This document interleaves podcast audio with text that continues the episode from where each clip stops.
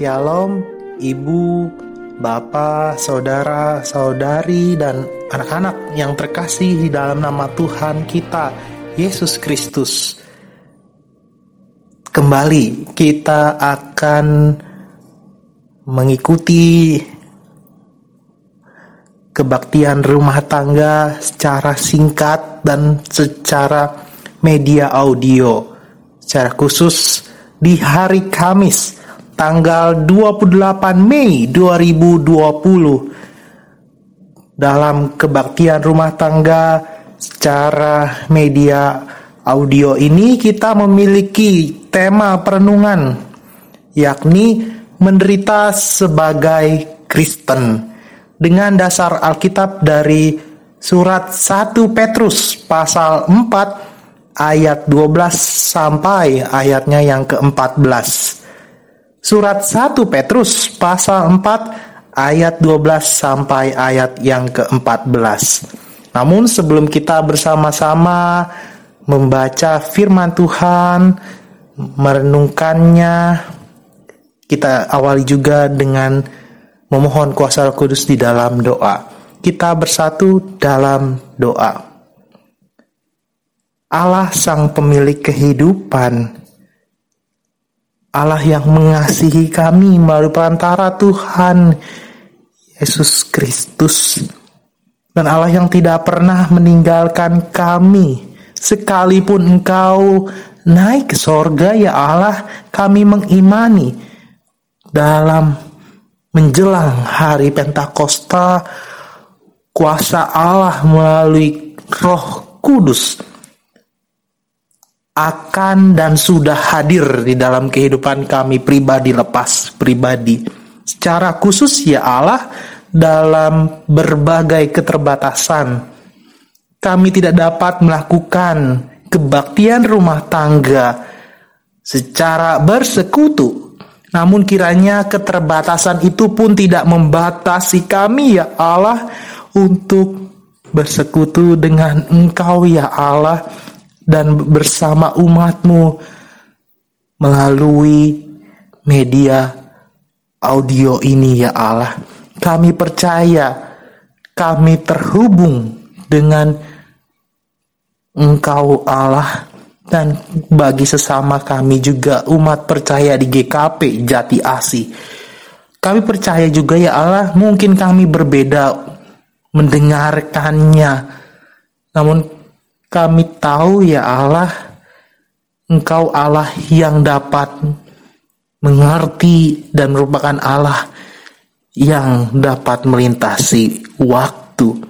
Sehingga sekalipun kami berbeda dengan mendengarkan, dengan mengikuti kebaktian rumah tangga secara media audio ini juga saya percaya Allah hadir dalam persekutuan kami secara media audio dan dalam kebaktian rumah tangga Kamis 28 Mei 2020 kami mau berdoa ya Allah kami tahu dalam pembatasan sosial berskala besar dan secara khusus pandemi COVID-19 ini ya Allah kami akan menggumuli tema menderita sebagai Kristen.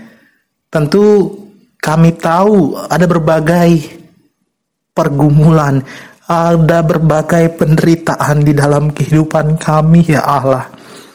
Namun kiranya ya Allah secara bersekutu dalam kebaktian rumah tangga ini kami dapat memperoleh kelegaan, kami dapat memperoleh penghiburan dan utamanya kekuatan dari Allah karena kami percaya Engkau Allah yang lebih dahulu menderita. Dan kami pun mau mengimani dan menerima apa pun yang terjadi dalam kehidupan kami. Kami merupakan orang percaya. Sekalipun menderita kami menderita sebagai Kristen.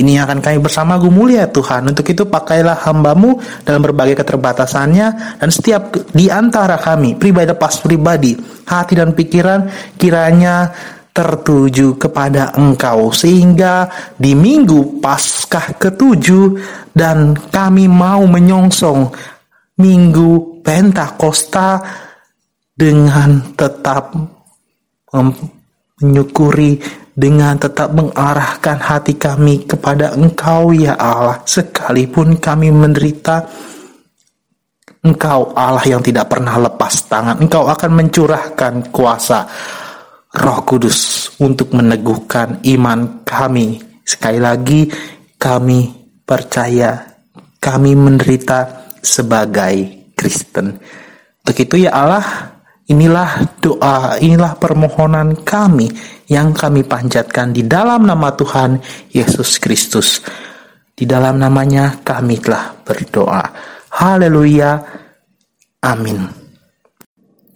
Ibu dan Bapak, saudara-saudari dan anak terkasih di dalam nama Tuhan Yesus. Dasar Alkitab kita dalam kebaktian rumah tangga Kamis 28 Mei 2020 dari surat 1 Petrus pasal 4 ayat 12 sampai ayat ke-14 di mana judul lembaga Alkitab Indonesia memberikan judul menderita sebagai Kristen.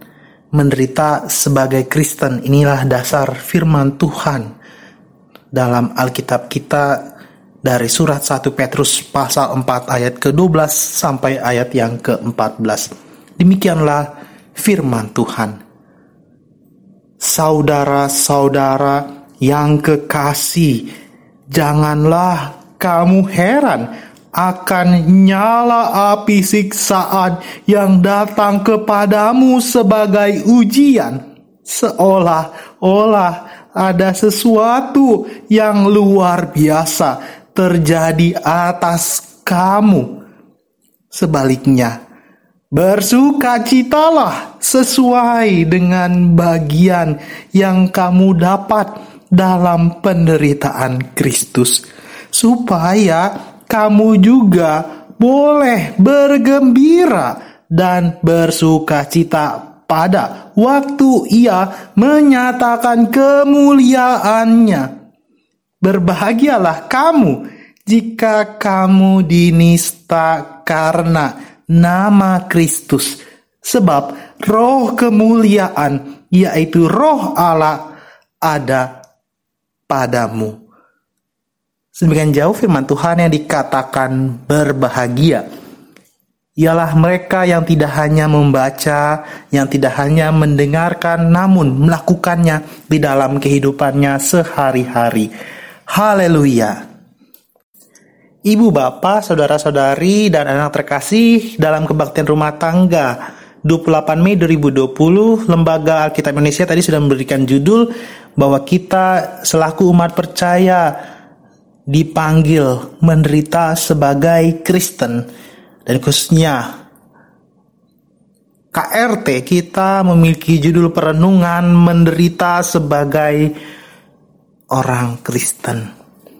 Wah berbicara menderita, berbicara kesesakan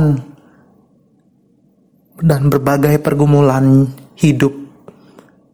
Tentu tidak ada orang yang mau selalu kita ketahui dan kita pun berharap di dalam hidup ini selalu ada kesenangan, ada ketenangan, ada kebahagiaan dan terbebas dari berbagai bentuk penderitaan.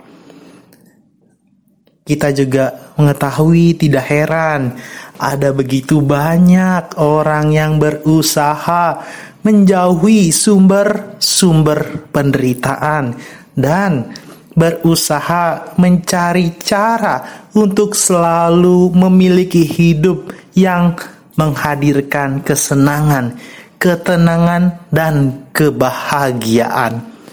Hanya ibu bapak saudara sekalian dan anak terkasih, kita harus mengetahui penderitaan di dalam kehidupan ini yang kita alami saat ini atau masa-masa yang lalu atau mungkin juga di masa yang akan datang kadang tidak dapat kita hindari atau kita mungkin bisa, kok kenapa saya ya? Kenapa nggak mungkin tetangga kita atau mungkin Orang itulah yang menderita, kenapa harus saya? Misalkan seperti itu, kita tidak dapat memilih. Walaupun kita tahu ada kalimat-kalimat positif yang bilang segala sesuatu dalam kehidupan ini dapat memilih, tapi soal penderitaan kita tidak dapat memilih untuk menghindar khususnya. Nah, ibu bapak, saudara-saudari, dan anak terkasih ada beragam, ada berbagai sumber-sumber penderitaan secara khusus dalam kehidupan kita. Bisa saja dari eksternal, maksudnya apa? Dari orang lain, dari benda apa pun, bahkan dari alam juga dapat membuat kita menderita. Tapi mungkin juga dari internal, dari kita sendiri sehingga kita kemudian menderita. Nah, ada yang menderita karena kesulitan ekonomi. Kemudian apa yang terjadi? Stres. Kemudian apa yang terjadi? Nggak mau makan, susah makan misalkan. Ya mah dan lain sebagainya. Karena sakit penyakit itu, karena keterbatasan fisik dan juga ada yang mengalami penderitaan. Apa pun saja kita yakini dan kita percaya atau mungkin kita sudah mengalami bahwa penderitaan itu bisa disebabkan tidak hanya dari eksternal, tapi dari internal. Maksudnya tidak hanya dari luar kita, kita pun bisa menyebabkan penderitaan itu. Jadi jangan selalu menyalahkan, oh saya ini menderita karena orang lain, karena benda lain. Tapi bisa saja, atau mungkin kitalah yang menjadi penyebab penderitaan itu sendiri. Nah, secara khusus ibu bapak, saudara-saudari dan anak terkasih, kita melihat dari surat 1 Petrus pasal 4 ayat 12 sampai 14 ini merupakan terakhir kalilah sang penulis surat Petrus menuliskan suratnya dan ini merupakan pertama-tama kita harus ketahui Petrus menyampaikan agar setiap orang percaya tidak perlu menjadi heran. Maksudnya apa? Wah, kok saya menderita misalkan?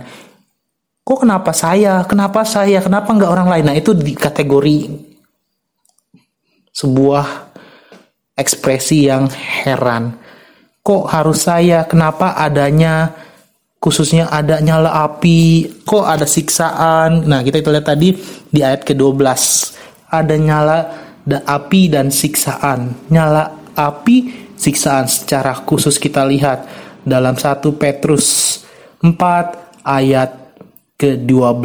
Nah, nyala api ini ibu bapak saudara sekalian dan anak terkasih, nyala api kita lihat dalam bahasa aslinya. Kata nyala api dalam bahasa Yunani ialah pirosie, pirosie atau fiery test. Maksudnya apa? Tes berapi atau smelting. Maksudnya apa tuh sih smelting itu dari bahasa Yunani tadi purity tadi artinya smelting itu peleburan. Ibu bapak sudah sekali dan anak terkasih dalam nama Tuhan Yesus kata peleburan kita sudah mengenal dengan kata Pirot essay itu kita kita mengetahui bahwa kata nyala api itu merupakan pemaknaan dari proses meleburkan.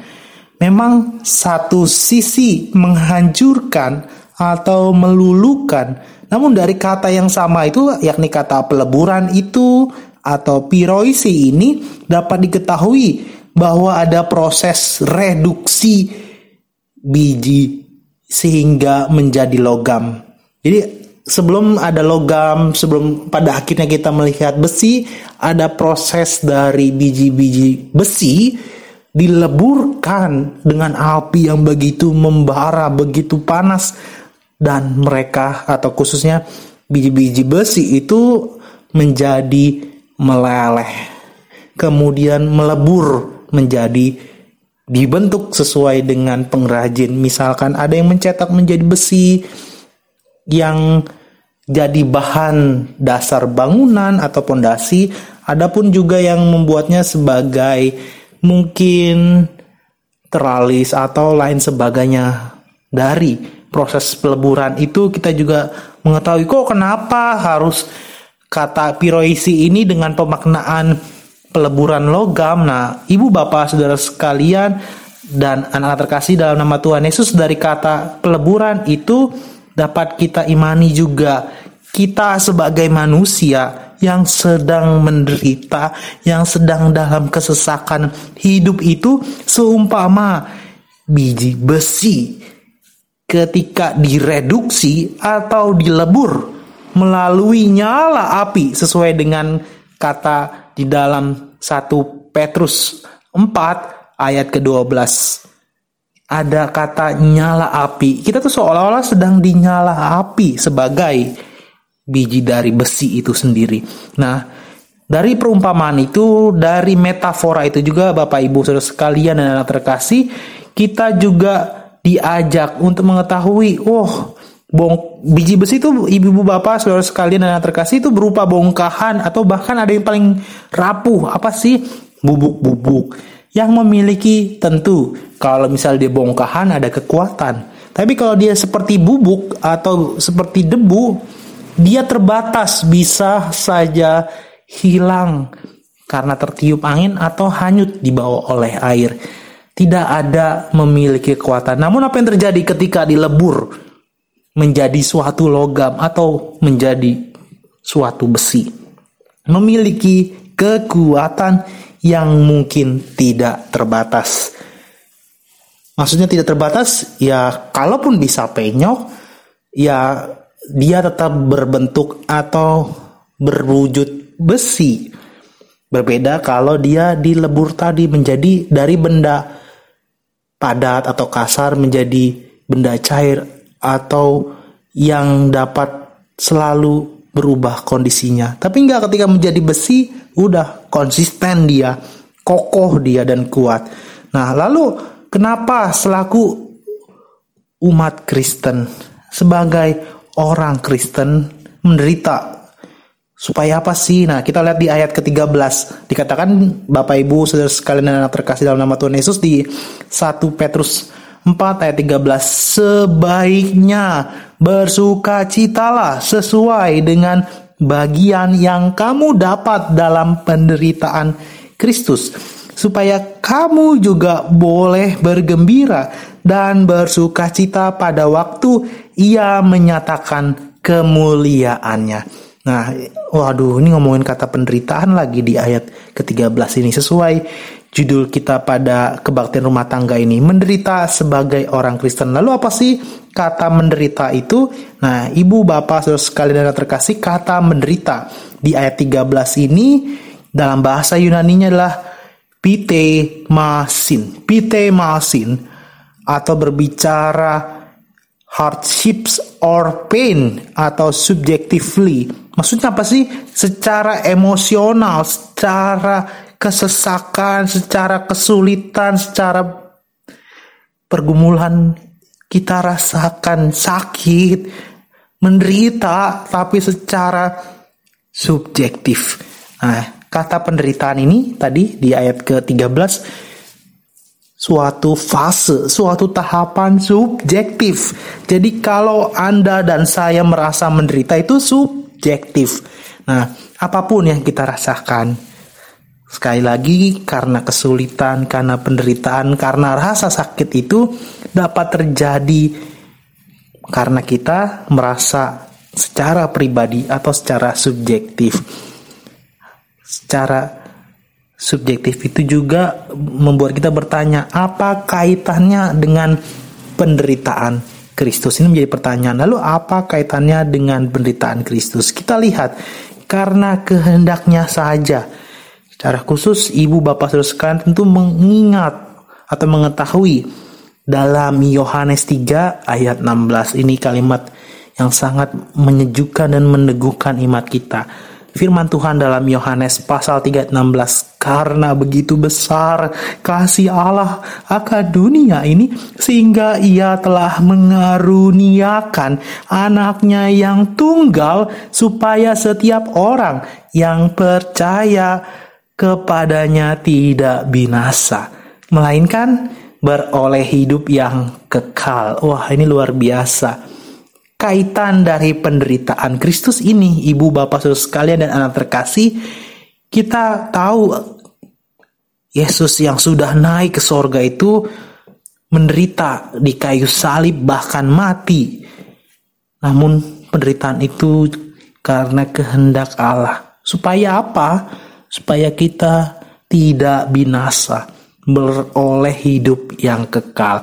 Nah, maka dari itu selaku umat percaya baik pada saat itu maksudnya bacaan baik dari Yohanes 3 ayat 16 atau bahkan 1 Petrus pasal 4 ayat 11 ayat 12 ayat 13 ayat 14 ini kita diajak tidak mudah putus asa, menggerutu atau kemudian mengeluh dalam kehidupan kita pribadi lepas pribadi. Jadi kita diajak untuk tetap optimis dan selalu mengucap syukur. Lalu mengapa kita harus mengucap syukur? Nah, Bapak Ibu, Saudara sekalian dan anak terkasih, tadi kata menderita dari ayat ke-13 ini kita mengetahui Piteremasin ini atau dari ayat 13 ini kata menderita dengan demikian kita diajak ibu bapak saudara sekalian yang terkasih kalaupun kita merasa sesak merasa sakit atas setiap pergumulan dalam kehidupan kita baik karena penyakit atau karena proses pemenuhan kebutuhan hidup baik secara finansial, kebutuhan pokok sehari-hari, baik sandang maupun pangan itu terbatas atau tidak pernah cukup, maka tetap diajak untuk bersuka cita. Wow, susah itu ibu bapak sekalian terkasih sedang bergumul tapi tetap diajak bersuka cita. Nah ini, ini minggu Paskah ketujuh kembali kita belajar dari surat 1 Petrus 4 ayat 12 sampai ayat ke 14 ini kita bersama-sama melihat sekalipun menderita, kita menderita itu sebagai orang Kristen. Dengan kata menderita itu tadi bahasa Yunani tadi pite masin itu kita diajak untuk memiliki iman. Fokusnya tidak pada kesulitan, akan tapi tetap fokus kepada solusi atas setiap kesusahan hidup, pergumulan hidup, kesesakan hidup. Makanya dengan demikian seseorang Kristen secara khusus bacaan kita di 1 Petrus pasal 4 ini kan kita dalam tema dalam Alkitab menderita sebagai Kristen. Sebagai orang Kristen memiliki fokus pada solusi Oh ini sulit di minggu Paskah ketujuh kita harus memiliki fokus pada solusi bukan pada masalah bukan pada kesulitan. Inilah fase yang disebut sebagai peleburan. Tadi dalam dalam ayat yang ke-13 Nah, Ibu Bapak Saudara sekalian dan yang terkasih, pada ayat 12 tentunya kita kembali belajar dari kata peleburan itu. Dengan mencari solusi sekalipun tidak mudah, akan tapi di sana sedang dibentuk, sedang dilebur, ditempah. Wah, dari sebuah biji besi menjadi logam. Sebelum logam tentunya harus di bakar ini tentu menyakitkan. Ini tentu membuat tadi heran kenapa saya harus mengalami fase itu sih. Nah supaya apa? Kita lihat di ayat ke-14 berbahagialah kamu jika kamu dinista karena nama Kristus. Sebab roh kemuliaan yaitu roh Allah ada padamu. Nah ini di ayat ke-14 setiap kali kita mungkin sedang bergumul, sedang menderita, terus kita curhat kepada orang lain atau bahkan kepada keluarga sendiri, oh mungkin karena kamu, karena kamu, karena kamu kembali lagi kepada masalah, bukan kepada solusi. Nah, Kita mungkin dinista, kita dianggap atau bahkan dituduh tidak memiliki hidup yang sesuai dengan kehendak Allah. Sekali lagi, kita belajar dari surat 1 Petrus 4 ayat ke-12 sampai ayat ke-14 ini bahwa kita akan menghadapi nyala api itu merupakan proses melebur. Dalam proses melebur itu kita menjadi besi yang kokoh dan kuat. Sehingga dikatakan berbahagialah. Wah, dalam kebaktian rumah tangga ini ngomongin penderitaan sebagai Kristen, sebagai orang Kristen tentu akan sulit kita maknai. Kenapa? Khususnya di COVID-19 ini atau pembatasan sosial berskala besar yang sudah diperpanjang atau mungkin di, sekalipun ada pelonggaran misalkan atau dari PSBB itu sendiri dan menghadirkan new normal kebiasaan yang baru kebiasaan yang berbeda dari sebelum terjadinya COVID-19 ini? Apa misalkan terbatas untuk bersekutu atau kemudian dalam kehidupan pekerjaan ada yang bekerja di rumah atau juga ada yang mengalami pemutusan hubungan kerja ada berbagai hal yang kemudian membuat kita menderita. Apakah sebagai orang Kristen? Tidak, tapi semua orang, setiap manusia di muka bumi ini sedang mengalami penderitaan. Maka tadi ada kata new normal atau kemudian ada wacana atau diskusi mengenai ada selektif, ada hukum seleksi di mana yang kuat akan hidup di mana yang bisa resisten, bisa melalui berbagai kesulitan akan tetap hidup. Inilah disebut dengan fase nyala api. Nyala api itu yang kemudian membuat kita menderita dan kata penderitaan itu berbicara proses melebur. Dan dari proses melebur itu ada dua sisi Sisi pertama kita hancur, tapi sisi kedua kita menjadi sesuatu yang kuat seperti biji besi yang dileburkan. Memang dia menjadi logam cair, tapi kemudian menjadi logam padat ketika sudah melalui fase-fase nyala api, fase-fase kesesakan, pergumulan dan penderitaan. Di minggu Paskah ketujuh, dan menjelang minggu Pentakosta kita kembali diingatkan. Anda dan saya menderita sebagai orang Kristen. Kembali diingatkan di dalam 1 Petrus pasal 4 ayat 12 sampai 14 ini kita belajar untuk ber seru untuk memohon kepada Tuhan Allah yang lebih dahulu menderita bagi kita umat percaya kepadanya. Dan makanya tadi kita diajak di ayat ke-14 sekalipun mungkin ada orang-orang yang kemudian menista, menuduh dan membuat hidup kita semakin berat, semakin hancur dan semakin sesak. Kita percaya kita diajak untuk tetap berbahagia. Karena apa? Di situ Anda sedang dibentuk. Di situ Anda sedang dileburkan. Sakit, iya betul, menderita, betul. Tapi dari sana Anda sedang dibentuk. Apa yang dibentuk? Iman kita berserah kepada Allah sang pemilik kehidupan. Inilah proses pembentukan. Makanya tema kita pada kebaktian rumah tangga 28 Mei ini berbicara menderita sebagai orang Kristen. sebagai orang Kristen kita sudah mengetahui dan mengimani Tuhan Allah yang maha baik itu tadi Yohanes 3 ayat 16 karena begitu besar kasih dan anugerahnya untuk menyelamatkan kita dia melalui penderitaan kita pun saat ini sedang menderita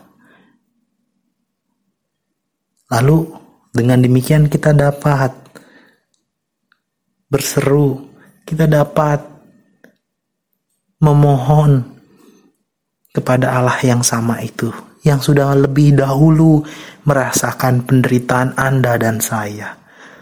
Maka dari itu, ibu, bapak, saudara-saudari, dan anak terkasih sekalipun ada pergumulan, penderitaan baik karena sakit penyakit atau bahkan kebutuhan pokok finansial ataupun sandang pangan lain sebagainya, kita tetap mengimani Tuhan akan memberi kelegaan. Tuhan akan menghadirkan berkat karena Anda sedang dilebur, Anda sedang melalui nyala api seperti tadi di ayat ke-12. Panas, betul. Menderita, betul tapi Anda sedang dibentuk, Anda sedang dilebur di atas. Sekalipun itu penderitaan, Anda sedang dilebur di ayat ke-13. Inilah kita diajak tetap berbahagia di minggu Paskah ketujuh dan menuju minggu Pentakosta. Kita tetap memiliki Allah yang tidak pernah meninggalkan kita dengan kuasa dan pertolongan Roh Kudus. Tentu Anda lebih mengetahui penderitaan Anda sendiri, dan Anda sendiri tahu bahwa penderitaan Anda pun diketahui oleh Allah yang juga sudah melalui penderitaan itu. Lalu untuk apa Anda protes lagi kepada Tuhan? Untuk apa lagi Anda marah dan mempertanyakan? Lupa untuk kemudian mengucap syukur kepada Tuhan. Bukan hal mudah untuk mengucap syukur tentu. Inilah iman kita menderita sebagai orang Kristen. Tetap bersuka cita sekalipun menderita. Mengapa? Karena kita memiliki Allah yang lebih dahulu menderita. Karena kita juga memiliki Allah yang tidak pernah meninggalkan kita. Dan ia selalu ada di sekeliling kita untuk menopang dan menguatkan kita dengan kuasa penyertaan Roh Kudus. Ini yang harus kita imani, ini yang harus kita terus harapkan di dalam kehidupan kita secara khusus dari minggu atau Kamis. Lalu kita merayakan kenaikan Tuhan Yesus Kristus. Hingga nanti di hari Minggu kita merayakan Pentakosta. Ada waktu kita merasa kesesakan merasa nyala api tapi ada waktu juga Allah memberikan penguatan melalui kuasa Roh Kudus selamat menjadi biji besi yang dibentuk oleh Allah, yang dileburkan oleh Allah. Sakit karena kita akan melalui nyala api. Tapi imanilah Allah ada di sana sedang membentuk Anda dan saya menjadi logam yang kuat yang kemudian dapat juga menguatkan orang lain mendatangkan kesejahteraan bersama. Selamat terus bersuka cita sekalipun menderita sebagai orang Kristen. Ini yang kita perlu kembali dasari dalam Minggu Paskah ketujuh menyongsong Minggu Pentakosta. Bapak, Ibu, Saudara sekalian dapat terus mendalaminya dalam kehidupan Anda dan saya tentu memiliki berbagai penderitaan, berbagai kesesakan. Mungkin kita selalu bertanya dalam hati, apakah kita bisa melalui penderitaan ini Lalu bagaimana kita keluar dari kondisi yang menderita ini? Tentu sulit di saat yang bersama kita juga tetap diajak dalam kebingungan untuk keluar dari penderitaan itu tetap memuliakan nama Allah. Cara khusus dalam Yesus Kristus di tengah kondisi yang penuh dengan penderitaan. Sulit tapi tetap percayalah kita ini sedang di fase nyala api. Kita dalam fase peleburan. Apanya? Iman anda dan saya sedang dibentuk dari sebuah bongkahan ataupun seperti debu. Tapi ketika melalui nyala api menjadi logam dan kemudian menjadi besi. Inilah iman kita di minggu Paskah ketujuh menuju Pentakosta. Secara khusus di era atau pandemi COVID-19 ini dan berbagai kesulitan yang akan terus datang dalam new normal ini. Ibu bapak saudara sekalian yang terkasih, selamat terus beradaptasi dan dalam proses beradaptasi kita terus mengakui sekalipun kita menderita, kita menderita sebagai orang Kristen. Kita menderita dengan mengimani Tuhan tidak pernah meninggalkan kita dan Tuhan itu sendiri juga sudah menderita. Dia mengetahui apa yang menjadi keluhan, apa yang menjadi rintihan, apa yang menjadi untayan doa di dalam hati, dalam mulut dan terlebih dalam berbagai teriakan jeritan kita dia tahu karena dia lebih dahulu menderita. Tetap setia dan imani sekalipun kita menderita sebagai orang Kristen selamat menjadi besi yang dilebur dan telah melalui proses nyala api yang begitu panas dan dahsyat namun di sana ada Allah yang sedang membentuk iman kita untuk terus mengandalkan Dia dan berharap kepadanya. Karena kita mengimani waktunya Tuhan itu indah Bukan waktunya manusia, waktunya Tuhan. Indah pada waktunya. Tuhan Yesus memberkati setiap kita, pribadi pas pribadi, yang mau menjalani kehidupan sekalipun menderita, menderitalah sebagai orang Kristen. Tuhan Yesus memberkati. Amin. Mari ibu, bapak, saudara-saudari dan anak terkasih dalam KRT Kamis 28 Mei 2020 kita juga akan membawa setiap pokok-pokok doa secara pribadi dan kita bawa dalam doa syafaat diakhiri dengan doa Bapa kami. Kita bersatu di dalam doa. Allah yang maha baik, Allah yang lebih dahulu mengalami penderitaan, disiksa, dan bahkan di kayu salib. Namun Allah itu juga Allah yang bangkit.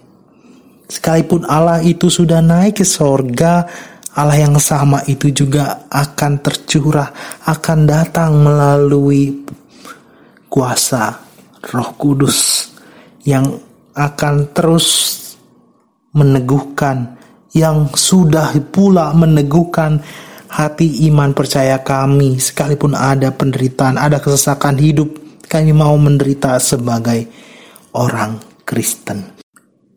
Sekalipun kami menderita, sekalipun kami menghadapi kesesakan atau pergumulan hidup ya Allah, kami menderita sebagai orang Kristen. Secara khusus di pandemik COVID-19 ini atau bahkan ya Allah pembatasan sosial berskala besar yang tengah berjalan dan mungkin akan dilonggarkan ya Allah kami tahu tidak ada juga kelonggaran dalam kehidupan kami tidak ada kelegaan di dalam kehidupan kami karena engkau tahu ada di antara kami yang mengalami kerinduan untuk beribadah di gereja.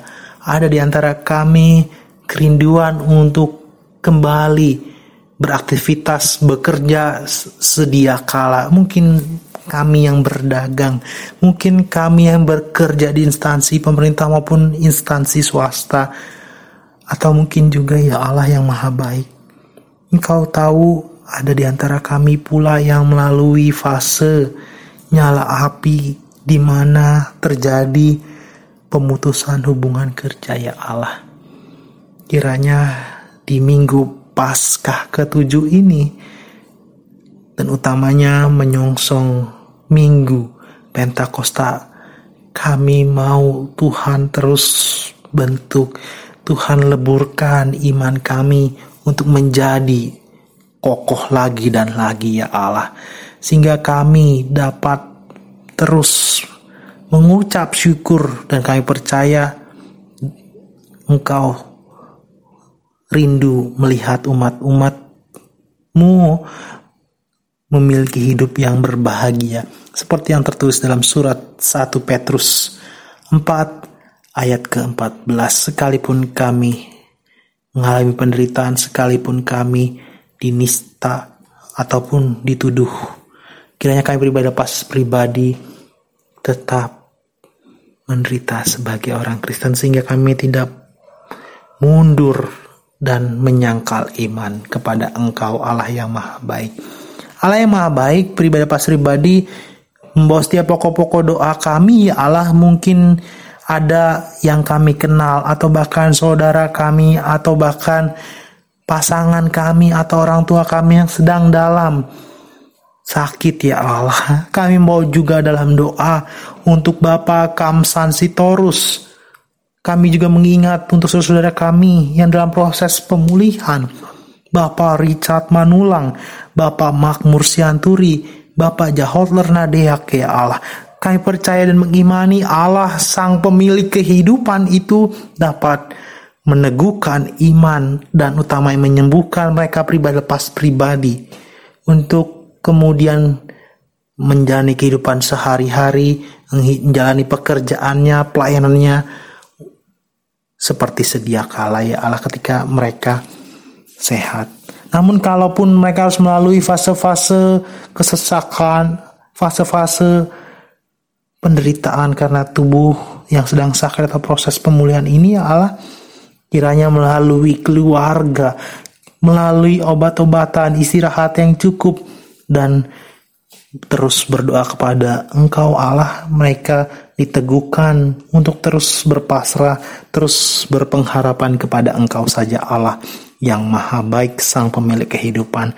Allah yang maha baik sebagai umat percaya kami juga mengingat keluarga teman saudara kami yang Tuhan telah tambahkan usianya kami bawa dalam doa untuk Ibu Frida Sembiring Pandia, untuk untuk saudara Rezon Ferrando Purba. Kedua orang terkasih ini Tuhan saja yang menambahkan tidak hanya usia, tapi Tuhan menambahkan juga kebijaksanaan. Tuhan menambahkan kesukacitaan, menambahkan berkat-berkat lain baik dalam kehidupannya maupun dalam proses mengejar cita-cita mereka pribadi lepas pribadi. Allah yang maha baik, kami juga mengingat dan mau mendukung dalam doa untuk keluarga Bapak Victor Saud Panghiutan, Huta Galung, dan keluarga Ibu Aisyah Siombing. Kami percaya Allah yang maha baik, Engkau Allah sang nahkoda kapal akan selalu memberkati mereka dan juga kami mengimani Tuhan juga memberkati keluarga kami pribadi lepas pribadi. Allah yang maha baik, Allah yang maha kasih, kami bawa dalam doa ya Allah untuk persekutuan kami di GKP Jemaat Jati Asih. Engkau tahu ya Allah dalam pembatasan sosial berskala besar atau bahkan karena pandemik COVID-19 kami terbatas untuk beribadah, bersekutu di gereja, ataupun dalam kegiatan atau kebaktian kategorial ya Allah.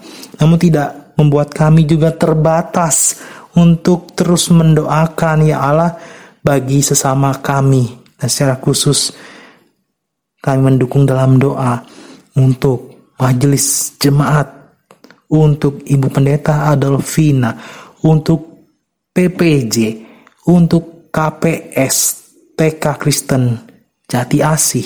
Kami juga mendukung dalam doa ya Allah. Guru-guru TK, setiap komisi, kategorial maupun non-kategorial, ya Allah yang maha baik. Kami juga mendukung dalam doa untuk BP klasis wilayah Bekasi dan klasis lainnya ya Allah di lingkup GKP. Kami juga mendukung dalam doa untuk majelis pekerja Sinode Gereja Kristen Pasundan ya Allah. Dalam kehidupan berokumeni ya Allah. Kami mendukung dalam doa pribadi pas pribadi untuk tetap menaati apa yang menjadi himbauan dari pemerintah, apa yang menjadi himbauan dari setiap hidup berjarak hidup sehat, istirahat yang cukup dan hidup yang bersih juga. Allah yang mau baik. Allah yang mau baik kami juga mau mendukung dalam doa. Baik bangsa Indonesia secara khusus maupun di mana pun belahan bumi ini ya Allah kiranya pribadi lepas pribadi yang sedang berjuang, sedang bertahan hidup akibat COVID-19 ini kiranya Tuhan berkati. Baik tenaga medis, baik tenaga keamanan maupun pribadi pas pribadi yang kau tahu ya Allah terus berdoa di dalam hati mereka karena mereka sedang terkena virus corona tersebut ya Allah ataupun mereka yang sedang dalam isolasi mandiri atau mungkin juga ya Allah kehilangan anggota keluarganya. Karena virus corona ini ya Allah, Tuhan saja yang memberikan penghiburan, Tuhan saja yang memberikan penguatan ya Allah. Kami juga berdoa ya Allah, dampak virus corona ini membuat kondisi secara ekonomi tentu akan mengalami perubahan atau juga mungkin sudah kami rasakan ya Allah. Tuhan terus hiburkan. Dan kami juga berdoa kiranya tidak ada kerusuhan, kiranya tidak ada pencurian yang terjadi di sekitar kami ataupun kami mendoakan setiap orang untuk tetap memiliki hidup yang patuh dan taat kepada undang-undang dasar dan peraturan kepolisian ya Allah. Allah yang maha baik kami juga membawa dalam doa setiap pokok-pokok doa kami secara pribadi.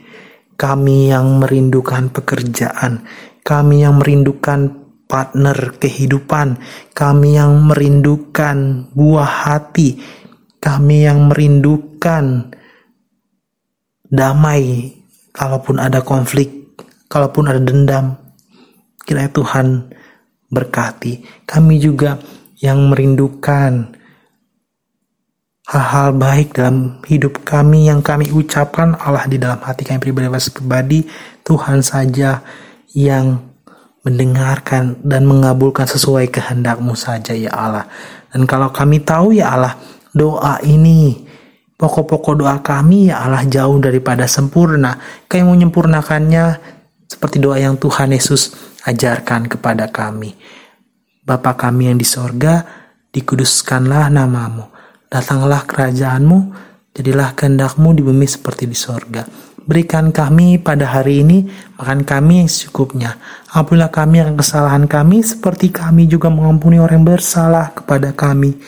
Jangan bawa kami ke dalam pencobaan, tapi lepaskan kami daripada yang jahat karena engkau yang punya kerajaan dan kuasa dan kemuliaan sampai selama-lamanya. Amin. Ibu, Bapak, Saudara sekalian, dan anak terkasih, kita telah melakukan perenungan firman Tuhan dari surat 1 Petrus 4 ayat 12 sampai ayat yang ke-14. Kita juga merenungkan tema menderita sebagai orang Kristen. Kita telah mengetahui nyala api yang membara itu berupa berbagai hal yang menyesakkan, yang membuat kita sakit, yang membuat kita menderita. Tapi kita kembali diajak bahwa penderitaan itu adalah cara Tuhan untuk menempa iman kita, menempa hidup kita untuk terus berpasrah, untuk mengandalkan Tuhan. Karena kita percaya Tuhan adalah sang pemilik kehidupan, ia akan menghadirkan yang terbaik dan menghadirkan berbagai berkat yang buat kita berbahagia, bersuka cita. Maka dari itu, ibu bapak, saudara sekalian anak terkasih, menderita sebagai orang Kristen inilah panggilan di minggu Paskah ketujuh dan menyongsong hari raya Pentakosta. Kiranya Tuhan Yesus memberkati kita. Amin.